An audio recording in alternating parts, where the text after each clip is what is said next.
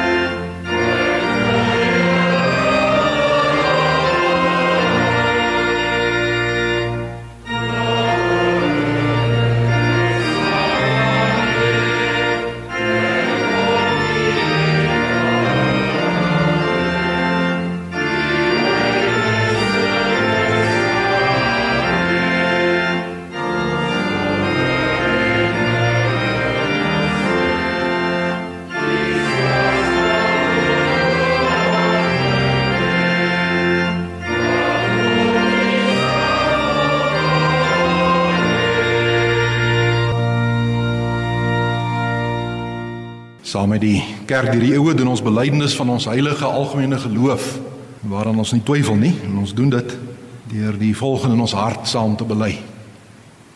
Ek glo in God die Vader, die Almagtige, die skepper van hemel en aarde en in Jesus Christus, sy enige gebore seun, ons Here wat ontvang is van die Heilige Gees, gebore uit die maagd Maria wat gelei het onder Pontius Pilatus, gekruisig is gesterf het en begrawe is en neergedaal het na die hel. Wat op die derde dag opgestaan het uit die dood opgevaar het na die hemel en sit aan die regterhand van God die almagtige Vader waarvandaan hy sal kom om die lewendes en die dooies te oordeel. Ek glo in die Heilige Gees.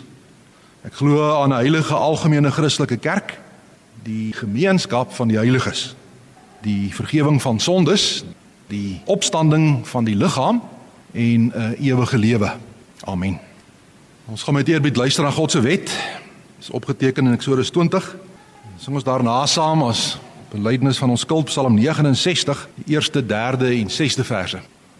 Toe het God al hierdie woorde gespreek en gesê: Ek is die Here jou God wat jou uit Egipte land uit die slawehuis uitgelei het. Jy mag geen ander gode voor my aangesig hê nie. Jy mag vir jou geen gesnede beeld of enige gelykenis maak van wat bo in die hemel is of van wat onder op die aarde is of van wat in die waters onder die aarde is nie. Jy mag jou voor hulle nie neerbuig en hulle nie dien nie. Want ek die Here jou God is 'n jaloerse God wat die misdaad van die vaders besoek aan die kinders, aan die derde en aan die vierde geslag van die wat my haat. En ek bewys barmhartigheid aan duisende van die wat my liefhet en my gebooie onderhou. Jy mag die naam van die Here jou God nie uitelik gebruik nie, want die Here sal die een wat sy naam uitelik gebruik, nie ongestraf laat bly nie. Gedenk die Sabbatdag dat jy dit heilig. 6 dae moet jy arbei en al jou werk doen, maar die sewende dag is die Sabbat van die Here jou God. Dan mag jy geen werk doen nie. Jy of jou seun of jou dogter of jou dienskneg of jou diensmaagd of jou vee of jou vreemdeling wat in jou poorte is nie Want in 6 dae het die Here die hemel en die aarde gemaak, die see en alles wat daarin is en op die sewende dag het hy gerus. Daarom het die Here die Sabbatdag geseën en dit geheilig. Eer jou vader en jou moeder dat jou dae verleng mag word in die land wat die Here jou God aan jou gee. Jy mag nie doodslaan nie. Jy mag nie egbreek nie. Jy mag nie steel nie. Jy mag geen valse getuienis teen jou naaste spreek nie. Jy mag nie jou naaste se huis begeer nie. Jy mag nie jou naaste se vrou begeer nie of sy diensneg of sy diensmaagd of sy os of sy esel of iets wat van jou naaste is nie. Kom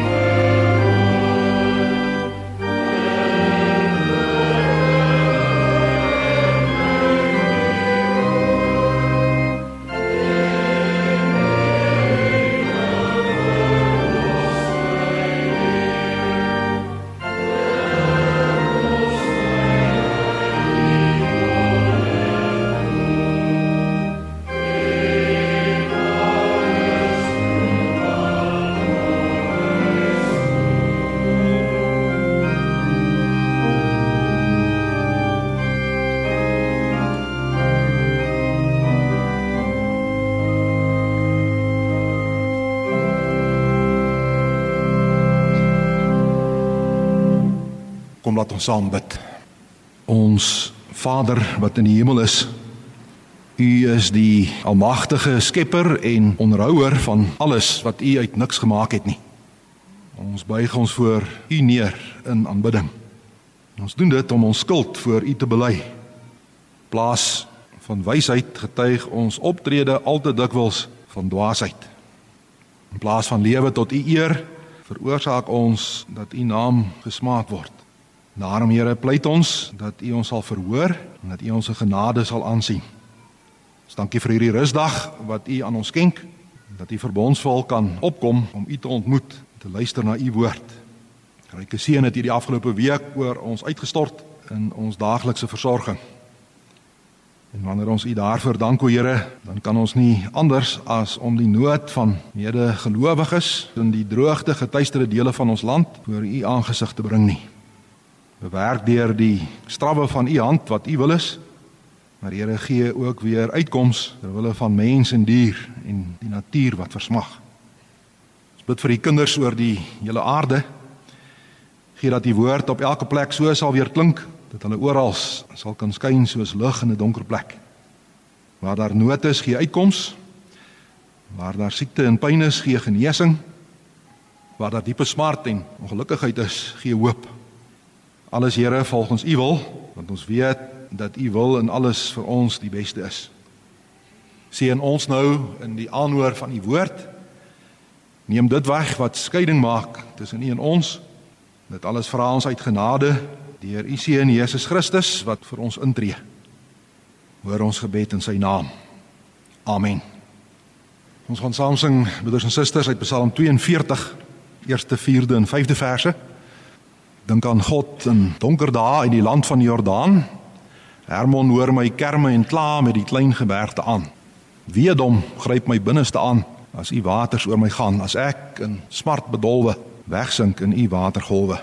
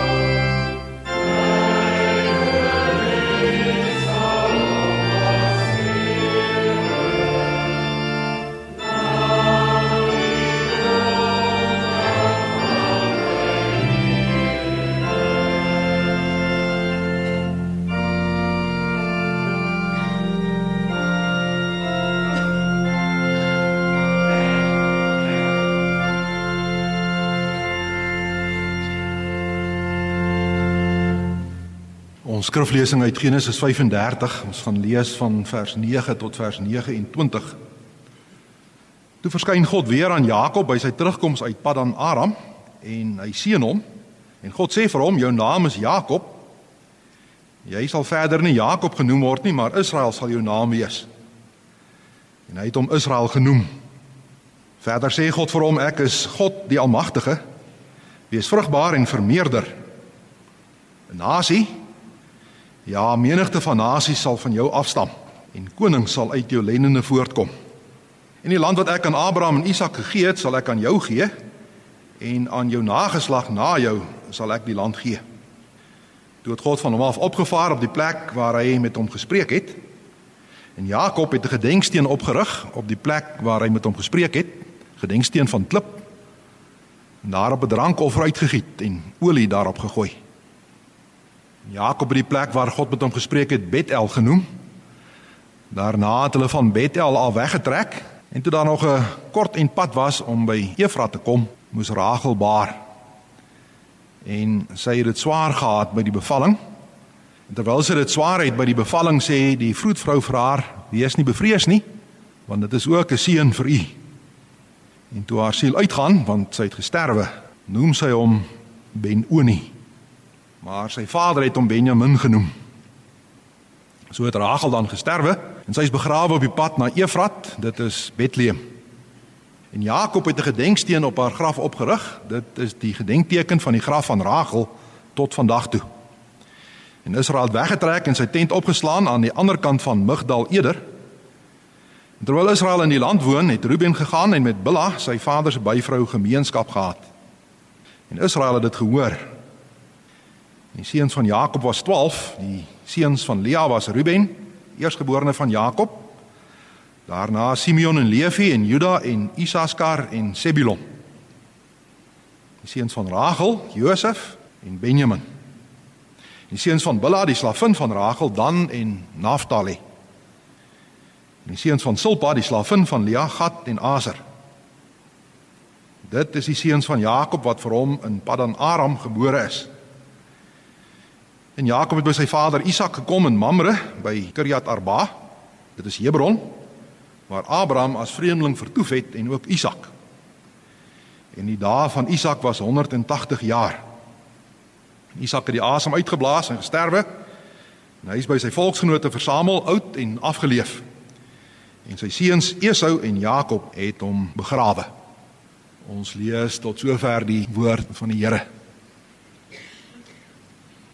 ons tekswoorde in Genesis 35 vers 18.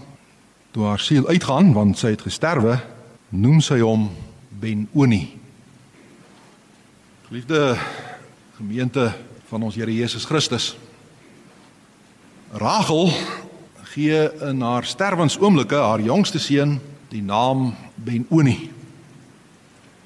En hierdie naam weer klink haar lewensleed en haar sterwenssmart.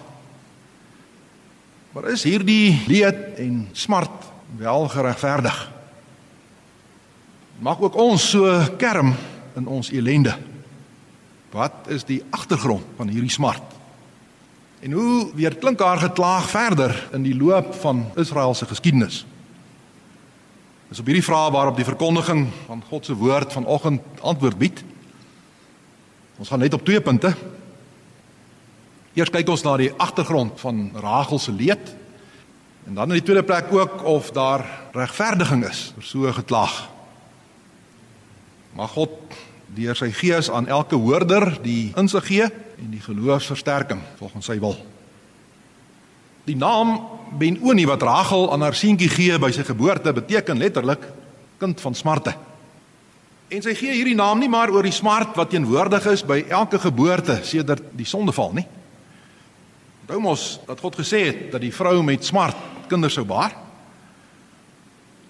Die naam wat Rachel hier aan haar kind gee, is egter sterk persoonlik gekleer. Dit gaan vir Rachel oor haarself, haar probleme, die verdriet wat haar lewe geknel het en wat haar sterwensuur donker maak.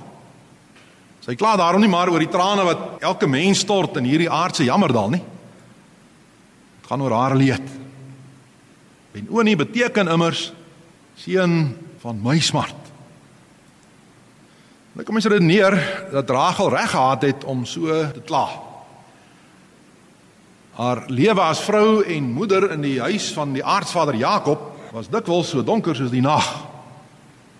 Ja, die kerk van die ou bedeling, eintlik ook die nuwe bedeling, moes uit die huis van Jakob voortkom. Maar vir Rachel is daar soveel teleurstelling en ontnugtering word haar lewe wat menslik beoordeel misluk het, dan nie op 'n harde en treurige noot beëindig met haar dood tydens die geboorte van haar jongste nie. Wie sou nie daaroor ween nie? Soveel teleurstellings. Sy en Jakob op die punt gestaan het om hulle huwelikslewe saam te begin, word hulle deur Laban bedrieg met Lea. Toe hulle wel trou, toe moes hy Jakob deel met haar suster. Sy en haar suster se verhouding word daarna verteer deur jaloesie en naaiwer. By Rachel word alles nog veel erger toe haar eer as vrou en haar moederhart geen antwoord kry op haar smagting na kinders nie. Haar teleurstelling het sy aangespreek op vleeslike wyse deur Bilha, haar slavin, aan Jakob te gee. Maar dan laat ook Lea nie op haar wag nie en sy doen dieselfde deur Silpa, haar slavin, ook aan Jakob te gee. Is dit nie genoeg rede vir smart nie? En dan as afsluiting vir hierdie smartlike lewe, die dood met die geboorte van haar seentjie. Uiteindelik kry sy wel kinders, maar reeds met die geboorte van die tweede is daar komplikasies. En spoedig word haar smart met sy geboorte doodse stilte. Dat sy haar seentjie Ben-Oni noem, is daarom nie verbasend nie. Wie sou in sulke omstandighede nie weet nie? Daar wil ons elkeen sê die arme Rachel se lewe en lot lyk ondraaglik. En nou het God se volk in die loop van hulle geskiedenis daarna dikwels net so gekla oor hulle lewensomstandighede. Telkens as die nood op sy hoogste is, word deur die volk teruggegryp na die rouklag van Rachel. Toe die kinders van Rachel weggevoer is in ballingskap na Babel, was daar bitter geween en geklag. Ons lees daaroor Jeremia 31 vers 15. Stem word gehoor in Rama, geklag, bitter geween. Rachel ween oor haar kinders. Sy weier om getroos te word oor haar kinders omdat hulle daar nie is nie. Wat mense ook al wil sê oor die verbond, oor God se beloftes, dat dit nie die jong mense teruggebring wat weggevoer is na Babel nie. Toe Jesus veel later gebore is in Bethlehem, was daar opnuut 'n geklaag oor die kinders van Rachel. Matteus 2 vers 18 handel oor die kindermoord in Bethlehem en dan lees ons stem is in Rama gehoor, rouklag en geween en groot gekerm. Rachel beween haar kinders wil nie vertroos word nie omdat hulle daar nie meer is nie. Net soos in die huis van Jakob, later by Rama, het die ouers by Bethlehem geweier om getroos te word. Hulle kinders is weg. Ten spyte van die verbond en van God se beloftes en die besnydenis, kry hulle hulle kinders nie terug nie. Wie van God se volk sal nie weet nie. Dis 'n geweldige teleurstelling. En dit binne die verbondsvolk, binne die kerk. Hoe ween ouers nie in ons tyd oor kinders wat koers verloor en verdwaal, deel word van die wêreld waar sonde en losbandigheid en geestelike doodsheid heers nie ondanks die verbond. Rachel ween oor haar kinders. Sy wil nie getroos word nie omdat hulle nie meer daar is waar hulle hoort nie. Maar is daar nou in die tweede plek regverdiging vir so 'n geween en geklag? Kom ons sê dit reguit vir mekaar. Die probleem met die geklag van Rachel en haar nageslag is dat dit klaar is in ongeloof. Die Here het wel in Genesis 3 vers 16 na die sondeval gesê, die vrou sal met smarte kinders baar. Maar hoe sien jy die woorde? sien jy dit in geloof of in ongeloof? Ongeloof sê smart is die enigste in God se woorde aan die vrou. Daar's geen troos in die vervloekte lewe na die sondeval nie. Geloof sê egter ons kan meewerk in die opbou van die kerk. Moeders werk daarin mee deur verbondskinders te hê. Vaders weer deur arbeid waarmee hulle die kerk onderhou. Daarom is daar alle troos in hierdie lewe. Uit genade beleef ons die seën van die Here. Rachel kyk uit ongeloof hierdie seën van die Here mis. Sy sien haar teleurstellings nie in die raamwerk van God se raad en God se beskikking nie. Is dit dan nie hy wat alles ten goeie laat meewerk vir sy kinders soos hy ons verseker in Romeine 8 vers 28 deur die apostel Paulus nie? Rachel kyk God se beskikking mis en daarom hoor mens by haar alleen geklag. Dis ook die kwaal by Rama tydens die ballingskap. Later ook by Bethlehem. Trouwens die kwaad is selfs groter na mate die belofte oor God se seën wat sou kom al meer en meer in vervulling gaan. Daar was erg in die tente van Jakob terwyl die Here die oorwinning van die vrou se saad oor die saad van die slang al toe beloof het. Dit was erger toe die Here eeue lank sy bewyse van liefde en trou en oorvloedige sorg aan die volk getoon het. Ondanks al hierdie sorg het hulle steeds geweier om raak te sien hoe hy volgens sy raad besig was om sy volk te bou. Was hulle bestaan as volk dan nie vir Israel genoeg bewys van God se sorg en God se bewaring deur die eeue nie? Maar dit alles word heel erg toe Bethlehem vol was van die evangelie wat gebring is deur mense en engele. Die goeie nuus naamlik dat die saligmaker gebore is. As die volk dan nog steeds net soos Rachel alleen elende sien en daaroor klaag, dan is dit snode ongeloof. Ongeloof wat weier om die vertroosting van die Here oor teleurstellings en teëspoed te aanvaar. Die verbond was immers daar. Eeue terug al gesluit met Abraham die vader van die gelowiges.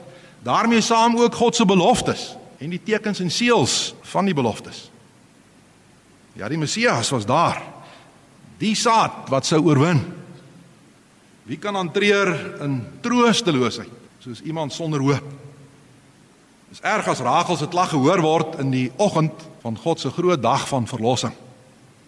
En wanneer dit weer klink in die middag van ballingskap, is dit erger.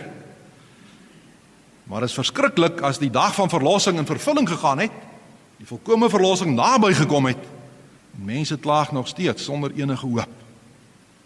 Broeders en susters, nou het ons soveel meer as Rachel en die getreur met die ballingskap en die gekerm van die mense by Bethlehem. Ons het die verbond, ons het God se beloftes. Jesus Christus, hoof van die kerk, het God alle hooploosheid, alle troostelose omstandighede uit ons lewe weggeneem. Nie alle swaar kry en alle nood nie. Maar daar's geen nood meer so diep dat sy kind hooploos mag staan nie. Geen omstandighede meer vir die gelowige sonder troos in Jesus Christus nie. Wat meer is, daagliks vertroos hy ons deur die trooster in ons wat ons verseker van die verbond wat ons lei in sy woord. Hoe treur ons dan as daar kinder en jeugprobleme op ons pad kom? Sal ons net bly kla wanneer dit gaan oor al die vrae rondom gesin en werk? Murmureer wanneer ons staan by wat deur ons eie toedoen stikkend geraak het. En wanneer die groot ontnugtering van die dood kom, kan ons dan alleen maar kla troosteloos ween? Natuurlik kan die kerk wat leef met God se woord in die hand, haarself en haar lidmate nie probeer bluf met beloftes oor 'n oorskleurige toekoms nie. Nie wat haar lewe hier op aarde betref nie, maar die belofte is daar. Die verbond is daar. God ons Vader het in Christus ons hoof sy beloftes nagekom. Hy sal dit ook voltooi soos die eeue voortgaan. God se raad jaag na die aand van die laaste dag. Dan breek die ewige dag aan en die oorwinning van die vroue saad oor die saad van die slang word finaal afgehandel. Kla daarom nie. Ook al het dit die kenmerk van ons tyd geword om te kla. Glo met sekerheid en vaste vertroue in God se beloftes vir ons hele lewe. Hy is naby die siel wat tot hom sug. Nie die siel wat sonder hom kla nie. Hy troos die hart wat skreiend tot hom vlug wat vlug deur die woord en die gees van die lewende Christus. Amen. Kom ons dank saam. Ons Vader wat in die hemel is, as ons voor U kom, kan ons as U volk nie maar kla en kerm en murmureer nie, want U het aan ons die ryke beloftes gegee, sigbaar waar gemaak in U seun. En daarom Here, wanneer ons voor U kom, is dit met vreugde, dankbaarheid, met hoop, selfs in die diepste duisternis. Ja, ook al lê ons in 'n dal van doodskaduwee, sal ons geen onheil vrees nie, want u stok en u staf, die vertroos ons. Bid Vader vir u kinders wat worstel met die nood, die ellende van hierdie wêreld, dat u hulle in hierdie stryd steeds in die geloof sal bewaar. Ons bid vir elkeen van u kinders wat gekonfronteer staan met die werklikheid van jeug wat wegdwaal, kinders wat u nie wil ken nie dat u ook daar u troos sal skenk. U weet dat u u volk bou, dat u u raad voltooi. Gee aan ons wysheid, Here, dat ons in alles, al ons nood, al ons elende sal vashou aan u troos. U weet dat u vir ons alles beskik tot ons beswil. Hoor ons as ons die dinge van U vra, ons vra uit genade uit deur Jesus Christus ons Here. Amen. Psalm 145 vers 3, vers 6 en vers 8. Omdat o God in die geheimnis vir ons vernuf geen grond of einde is, daarom prys ons U werk, U daad van krag van kind tot kind tot in die nageslag.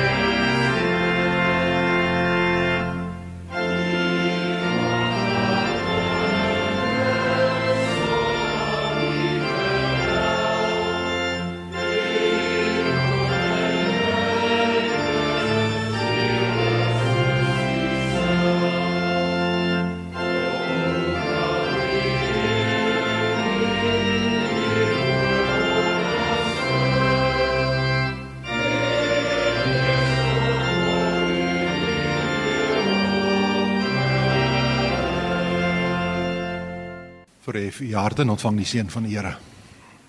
Die Here sal jou seën en jou behoed. Die Here sal sy aangesig oor jou laat skyn en jou genadig wees. Die Here sal sy aangesig oor jou verhef en aan jou vrede gee. Amen.